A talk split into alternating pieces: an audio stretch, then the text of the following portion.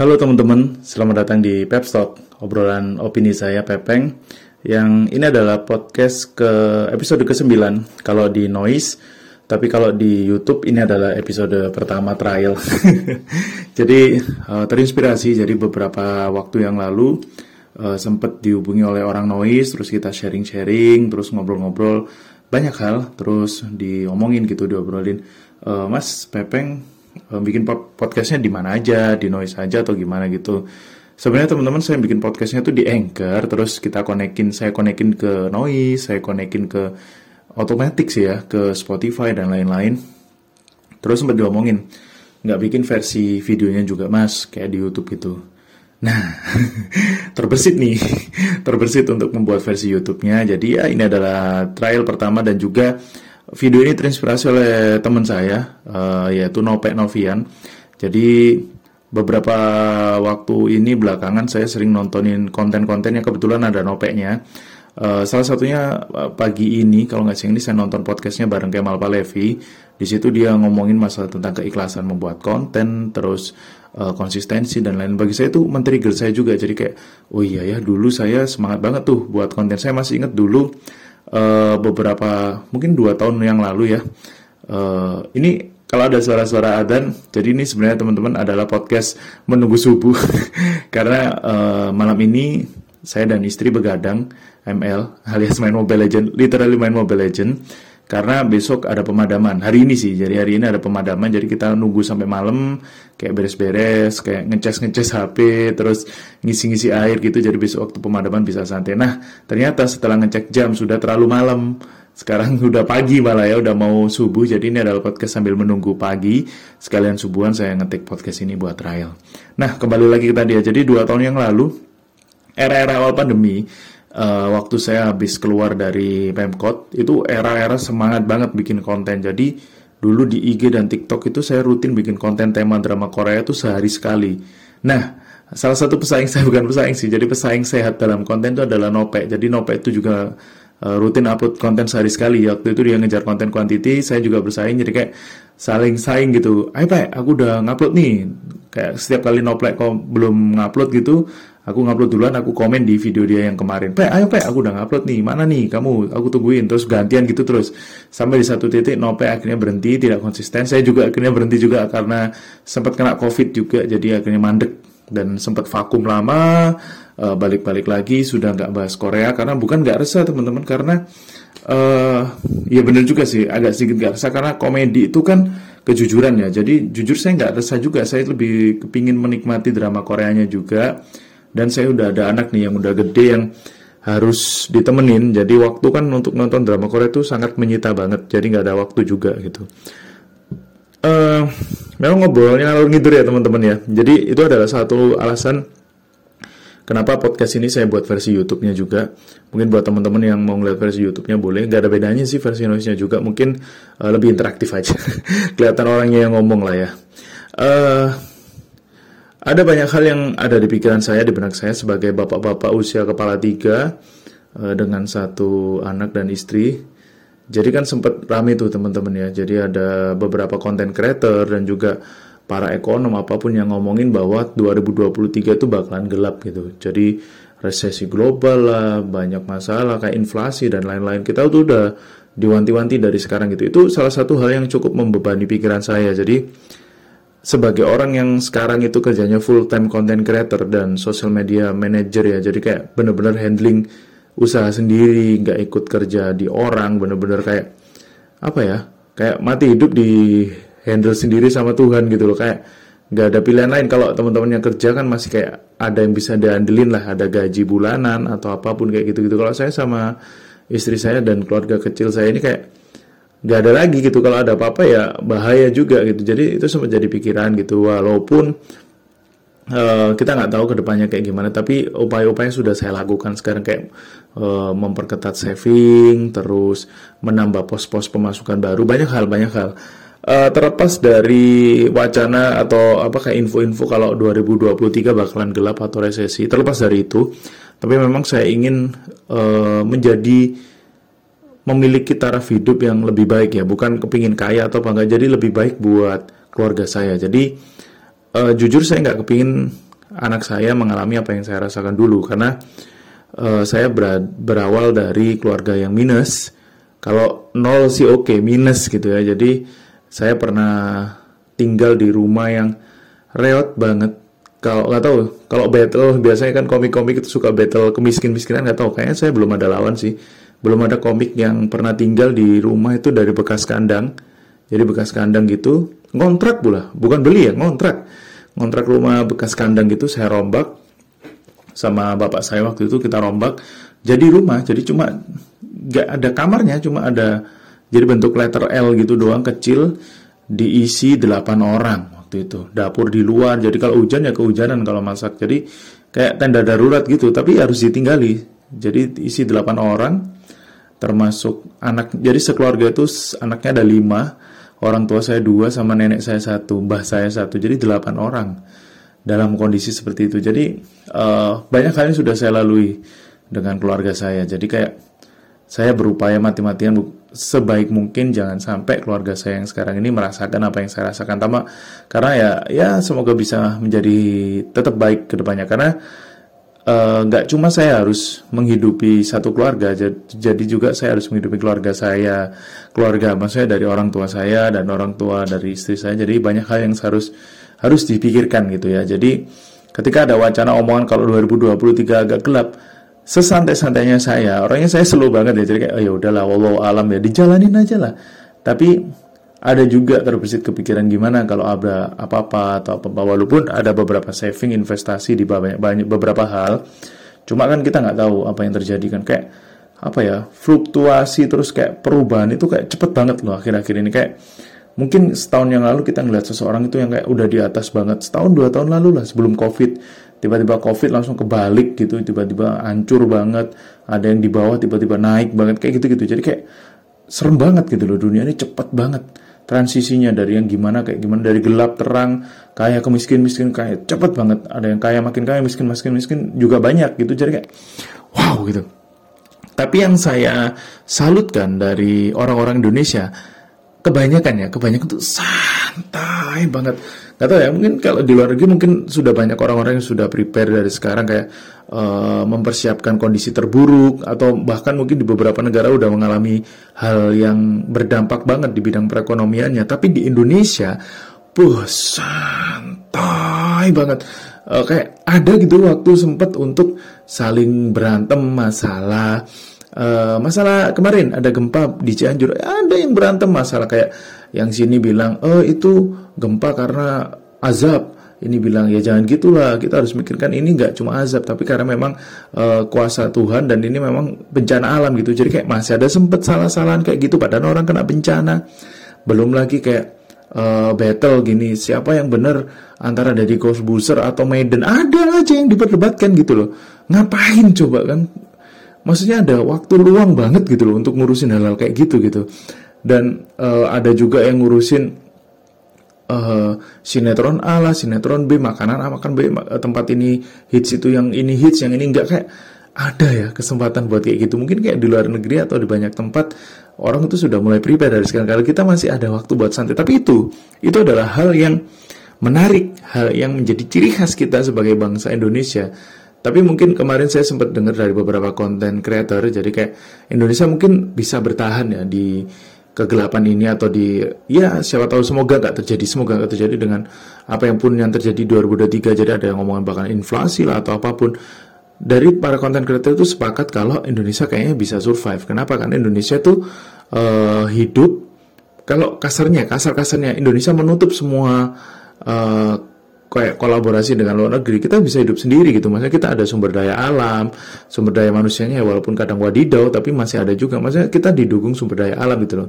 Banyak negara-negara lain yang iya nggak punya sumber daya alam sama sekali nggak punya pasokan energi bahkan harus minta dari tetangga negara tetangga harus ekspor gitu-gitu. Tapi kita eh harus impor sorry ekspor. Jadi kita di Indonesia itu bisa survive teman-teman. Itu yang bikin saya salut itu yang mungkin bikin kita agak santai tapi juga nggak bisa santai-santai banget. Takutnya kita terlena gitu. Kita harus ingat dua tahun yang lalu waktu covid kita semua santai. Kayak Allah santai nggak akan diimpact nggak akan berdampak. Kenapa kenapa kok? Tenang aja hidup masih berlanjut. Akhirnya waktu covid kita diserang dua hal. Kita diserang virusnya, kita diserang perekonomian juga yang tiba-tiba harus mati karena harus PSBB lah yang kadang aturannya juga wadidaw kayak nggak boleh berkerumun tapi uh, hal-hal tertentu boleh berkerumun. Nggak boleh jualan padahal jualannya juga online orang juga tinggal ngambil doang nggak ada tatap muka. Jadi kayak apa ya uh, kita waktu itu santai banget kayak ah bodoh amat lah tenang aja nggak akan kena. Ternyata kena semua kan se Indonesia kedampak semua. Jadi mungkin kita lebih harus belajar juga kita harus mawas diri lebih hati-hati aja sih. Jadi kayak mungkin untuk hal-hal yang nggak penting-penting kita hold dulu atau apa pun gitu ya.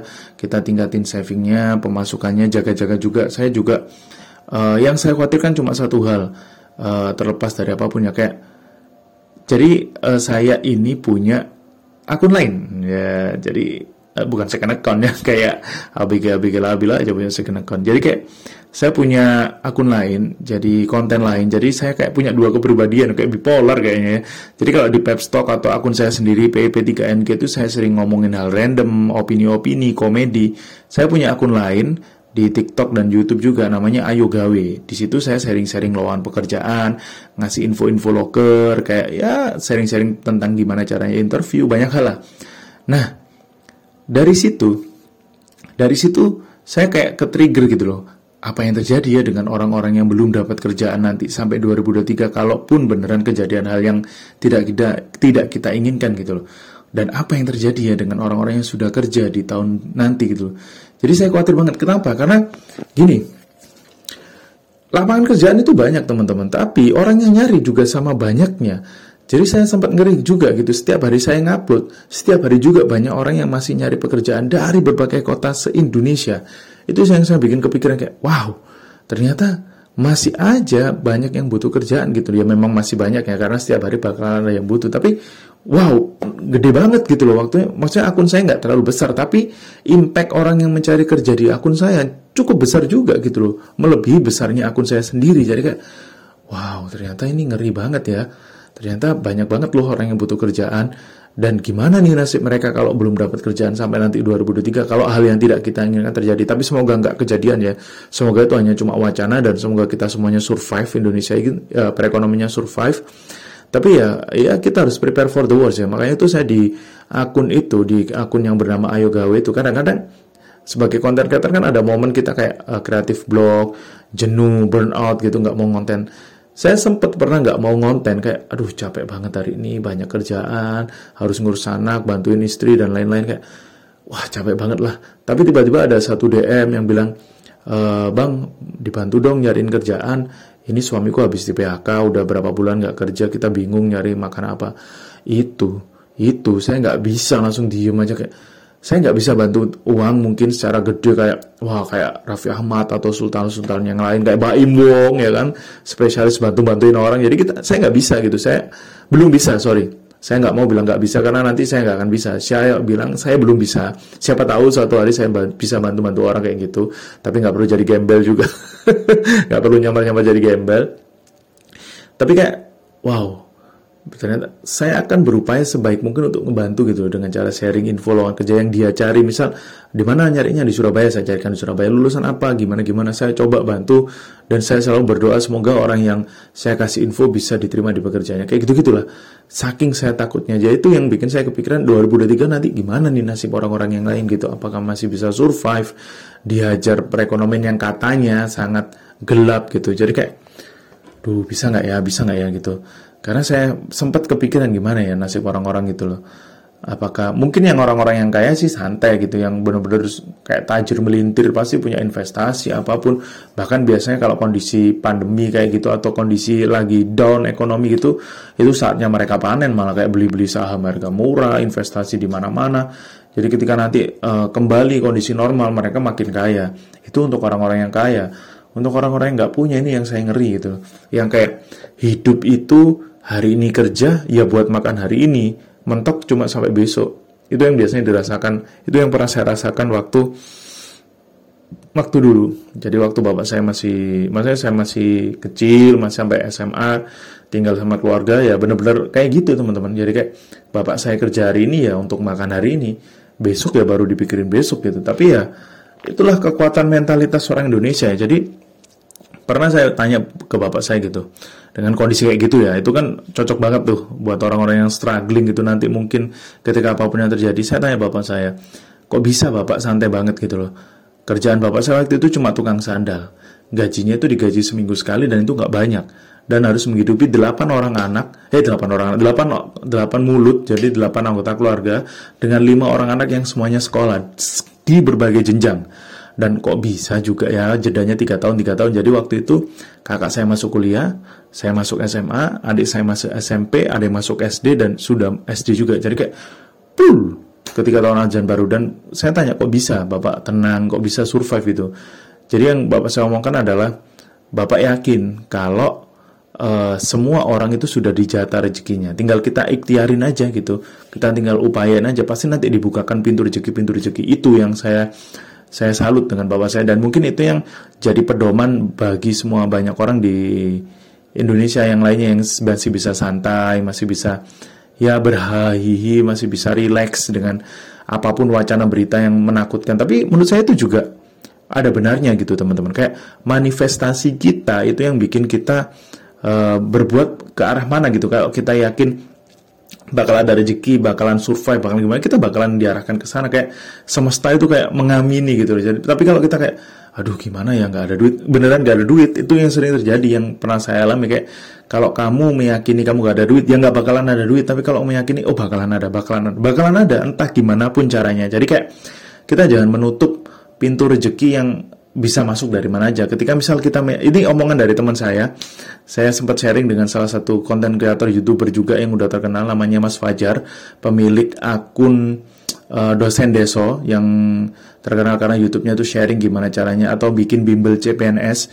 Waktu itu saya ke Malang lagi open mic di sana, terus saya ngobrol sama beliau sampai malam sama istri saya. Terus uh, beliaunya ngomong kayak Mas Fajar ngomong kayak uh, apa ya?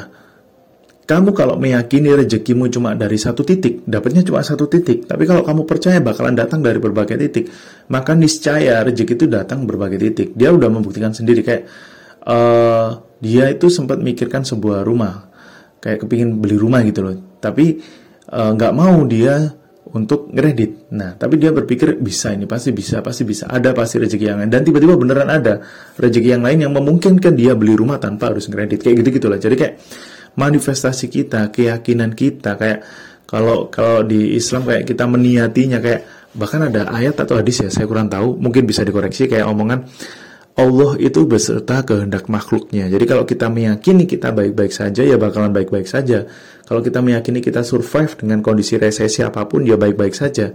Kalau kita yakin bakalan ada rezeki ya insya Allah bakalan ada rezeki ya kayak gitu-gitu. Jadi itu adalah satu hal yang saya yakini juga sampai sekarang. Jadi Ya, tapi namanya juga manusia ya teman-temannya. Ada momen kayak ngedrop juga, iman bisa goyang nih. ada momen kayak ah, ada nggak ya rezeki buat besok? Tapi ah nggak boleh lah kayak gini. Saya sempat pernah membaca quotesnya Sujiwo Tejo. Itu menurut saya bagus banget kayak kamu nggak perlu ngebakar Al-Quran, kamu nggak perlu ngehina ulama. Itu bukan penistaan agama. Penistaan agama adalah ketika kamu tidak yakin kamu besok bisa makan atau enggak, itu sudah menistakan Tuhan. Karena kamu nggak meyakini, nggak percaya atau meremehkan kalau Tuhan itu sudah bakalan ngejata rezeki buat besok. Besok pasti makan, kalau Tuhan mau pasti mau kayak gitu. Wow, jadi kayak oh ya juga ya. Jadi ketika ada momen saya ngedrop ketika kepikiran hal-hal kayak gini, saya mikir kalau saya meyakini besok nggak makan nggak dapat rezeki ya nggak bakalan dapat rezeki ya udahlah diyakini aja nggak tahu gimana pasti besok ada jalan mungkin itu yang jadi semangat sebagian besar masyarakat Indonesia yang itu tidak akan bisa diukur dengan logika, tidak bisa diukur matematika, tidak bisa. Nggak tahu ya, mungkin Abdul Arsad bisa ngitungnya, ya karena dia pernah bikin konten matematika asik dan menghitung nikmat Tuhan, tapi saya nggak tahu. Tapi saya percaya ini adalah hal yang memang uh, ada kayak apa bigger power above us gitu. Kayak ada kekuatan yang lebih besar yang yang kita nggak ketahui. Mungkin paling besar ya maha besar yang kita nggak bisa pahami yang bekerja untuk uh, memberikan kita rezeki memberikan kita kehidupan memberikan kita kesehatan kayak gitu-gitu. Mungkin kekuatan itulah yang harus didasari dengan keyakinan kita juga. Kalau kita nggak yakin nggak bakalan bisa juga. Dan itu yang saya percaya yang dimiliki oleh masyarakat Indonesia karena kita dari dulu udah terbiasa kalau ada apa-apa ya berdoa dulu. Setelah ikhtiar kita berdoa berpasrah kepada yang maha kuasa. Apa pun yang terjadi nanti, ya sudah itu adalah takdir yang terjadi. Jadi kalau 2023 beneran resesi ya mungkin itu jalannya. Kita nggak akan bisa hindari. Tapi ya semoga dengan keyakinan kita, dengan doa kita, kita bisa dikuatkan. Ya ampun, ini kontennya kok malah jadi kayak dakwah ya. kok malah kasih petua-petua. Tapi ya ini lebih ke sharing ya teman-temannya di jam-jam segini, jam-jam overthinkingnya orang. Biasanya kalau saya nongkrong jam segini enak banget tuh bahasanya. Udah bahas politik, agama, Tuhan. Random banget tuh. Saya rindu era-era kayak gitu. Tapi karena ya sudah punya keluarga, tanggung jawab ada. Dan gampang lelah. Jadi lebih baik di rumah aja rehat bersama keluarga. Dan itulah teman-teman untuk podcast hari ini. Ini udah 20 menitan lebih, saya nggak bisa ngelihat karena nggak pakai kacamata. Tapi uh, semoga teman-teman suka dengan opini-opini yang saya kemukakan. Ataupun kalau kalian nggak suka kalian boleh dislike kalian boleh komen. Kalau kalian punya argumen yang lain kalian boleh komen di podcast saya di noise atau di YouTube juga kalian boleh silakan komen. Kalaupun kalian ada sesuatu yang ingin dibahas silakan ditulis juga ya. Siapa tahu nanti kita bisa ngobrolin hal itu kita bisa sharing-sharing bareng-bareng lewat kolom komentar atau mungkin kalau nanti sempat live juga bisa live. Dan uh, boleh silakan follow semua sosial media saya untuk jadi kalau di YouTube ini saya akan bikin versi agak serius kadang-kadang bercanda juga tapi kayaknya bercandanya nggak terlalu banyak. Kalau versi komedinya akan saya share di TikTok dan Instagram. Jadi setiap bahasan kayak di podcast gini nih pasti ada versi komedinya. Insya Allah ya kalau nemu lucunya teman-teman. Dan sekarang kan bikin lucu juga bahaya banget takut ada yang tersinggung dan lain-lain kayak gitulah. Tapi overall itulah semoga apa pun itu bisa diambil lah. Kalau ada manfaat ya silahkan diambil. Kalau enggak ya udah anggap aja kayak sebuah podcast untuk mengisi waktu luang dan semoga kalian suka. Uh, silahkan berkomentar ya teman-teman. Sampai jumpa di podcast saya berikutnya. Saya Pepeng pamit undur diri